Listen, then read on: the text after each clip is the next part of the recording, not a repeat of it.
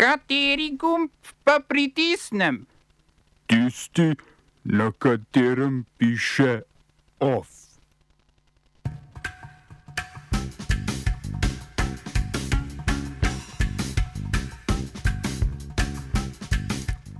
Pozor, rusko in kitajsko vojno ladjevje kmalo v sredozemlju.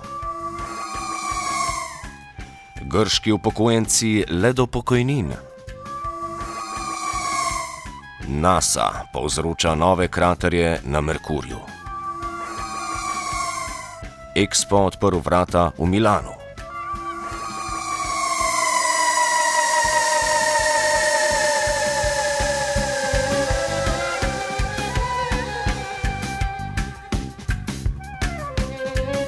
Kitajska in ruska mornarica bosta v sredini maja izvedli prve skupne vojaške vaje v Mediteranu, sta naznanili obe strani, ki bosta na vaje poslali po devet vojaških ladij.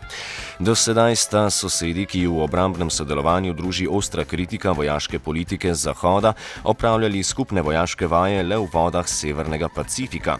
Državi druži tudi konflikt z NATO. Rusija je bila namreč podvržena ekonomskim sankcijam zaradi svoje pozicije v Ukrajini, ki naj bi ogrožala NATO članice, medtem ko je Kitajska v Južnem Kitajskem morju v konfliktu glede teritorija z Južno Korejo in Japonsko, dvema glavnima ameriškima zaveznicima v Aziji. Nobena stran ni javno utemeljila, zakaj se mora skupna vaja zgoditi prav v Sredozemskem morju, daleč od pristanišč obeh držav.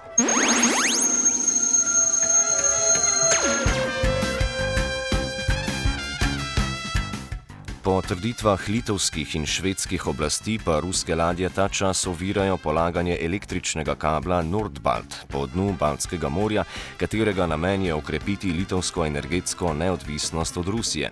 400 km dolgo kablovje bo distribuiralo elektriko iz Skandinavije v tri obbaltske države. Litva Rusijo obtožuje nezakonitega vstopa v njeno izključno ekonomsko cono že tretjič ta mesec. Moskva pa molči.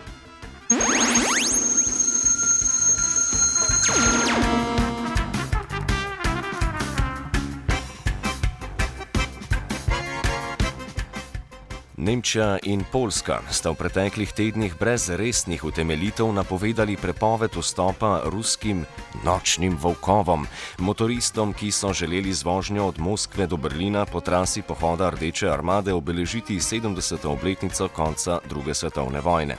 Nemčija je namero označila za provokacijo, najbrž zato, ker se imajo nočni volkovi za panslaviste, njihov vodja kirurg pa z Vladimirjem Putinom goji prijateljske odnose. Preklicala je že izdane vize nočnim volkovom, javnosti pa sporočila, da jim niso všle niti prijave tistih, ki so navajali lažne razloge za vstop v Schengen. Poljska je storila podobno. Medtem so nočni volkovi trdnjavo Evrope naskakovali z vseh strani. Poskusili so v Litvi, prehod jim ni uspel. Poskusili so tudi na polsko-beloruski meji, tudi tam so jih mejaši odslovili. A eni skupini je vendarle uspelo. Nočni volkovi so z letali prispeli na Češko, tam najeli motorje in se pod pretvezo zapeljali vse do muzeja koncentracijskega taborišča v Auschwitzu. Verjamejo, da jim bo uspelo doseči še Berlin.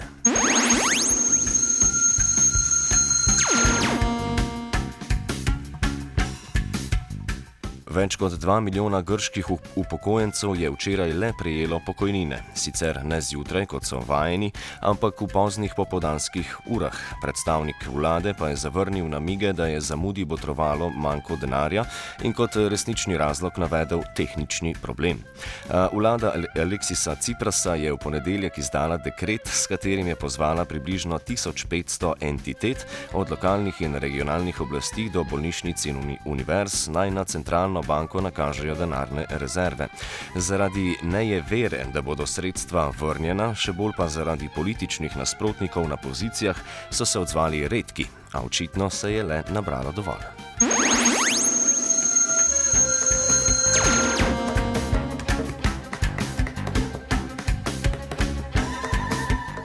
V Jeruzalemu se je včeraj na protestnem shodu zbralo več kot tisoč etiopskih Izraelcev.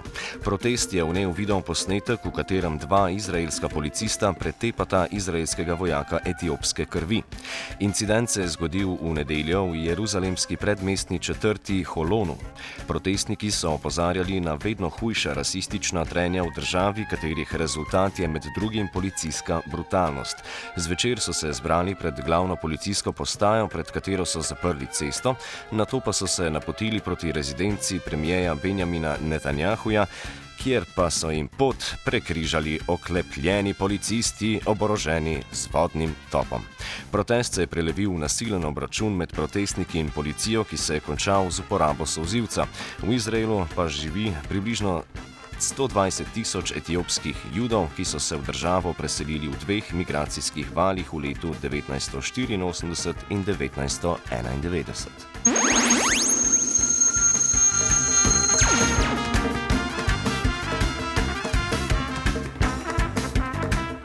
Strmoglavljenje nasinega vesoljskega plovila Messenger na površje Merkurja zaključuje eno bolj uspešnih vesoljskih misij. Več o misiji pove astrofizik Tomaš Cviter. Včeraj, se pravi zadnjega aprila letos, se je končala misija Messengerja. To je nasinega plovila, ki je od avgusta 2004 bilo na poti in od leta 2011 tudi krožilo okrog eh, Merkurja. Merkur je seveda najbližji planet našemu Soncu, do njega je izjemno težko priti, ker je zelo globoko v, uh, v bistvu gravitacijskem polju Sonca, zelo težko je tjer tja spraviti.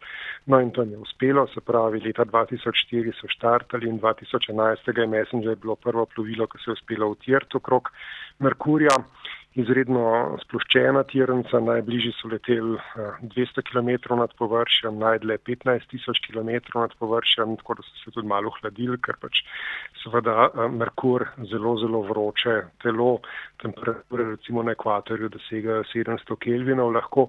Začudo je pa Messenger odkril, da v bližini polov, ki so stalno v senci, tam imate pač eno tako kotlino, da je tam tudi pravzaprav precej uh, vodnega ledu. Zdaj, um, zanimive druge zadeve, um, se pravi, morda to, da ima uh, Merkur dokončno potrjeno stopljenje.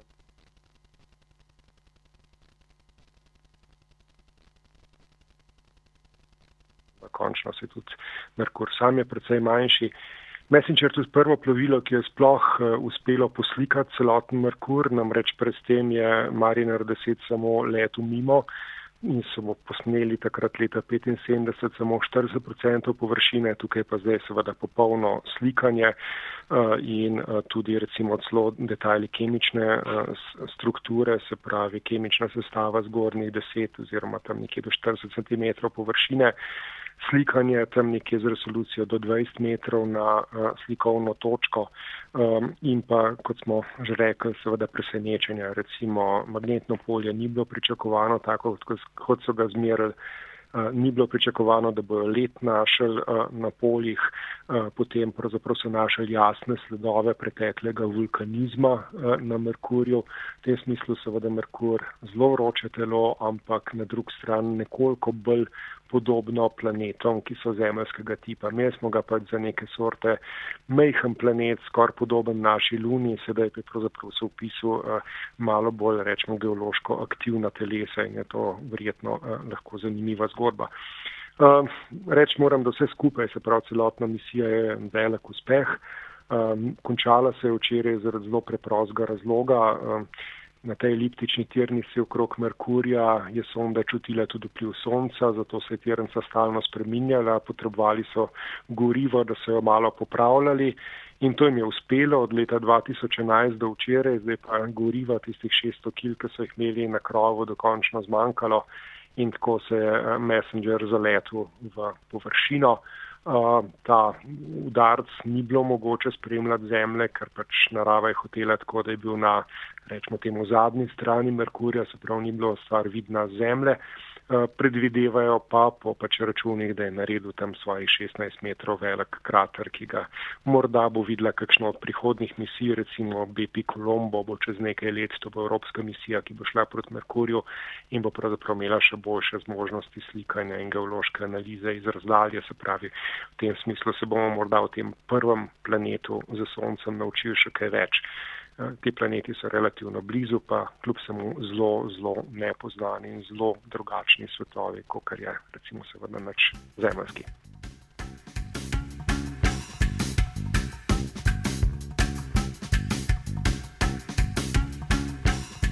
Vrata odpira Expo, tokrat v Milanu, kjer se bo predstavilo 94 držav sveta, katerih razstave so vezane na letošnji moto Hranjenje planeta, energija za življenje. Vodja slovenske ekspedicije Jrneja Lampred spregovori o samem razstavišču. To je največja svetovna razstava, je največji dogodek, ki ga sploh premore svet. Uh, vse se meri v presežkih. Uh, gre uh, v osnovi za predstavitev držav okoli neke osrednje teme. Tokratna osrednja tema na Expo v Milano je hrana in obiskovalec bo od 1. maja do zadnjega oktobra, se pravi na, uh, v obdobju šestih mesecev, lahko obiskal Expo in obiskal uh, svet v Malem, namreč uh, tokratnega Expo se udeležuje 145 držav sveta ali če povem drugače, 94% vse svetovne populacije. Uh, gre za uh, šov, gre za neko uh, izobraževalno noto, uh, gre za stičišče gospodarstva, uh, turizma in kulture.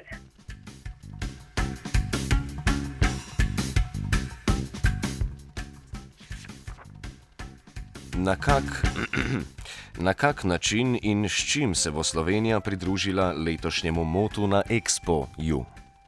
Slovenija se predstavlja s sloganom Green Active Healthy, seveda državno znamko IFU Slovenija in obiskovalec bo lahko sprehodil skozi pet glavnih vsebin, ki so soline, mineralno-termalne vode, čebelarstvo, pohodništvo, kolesarjenje in pa projekt merjenja črnega oglika.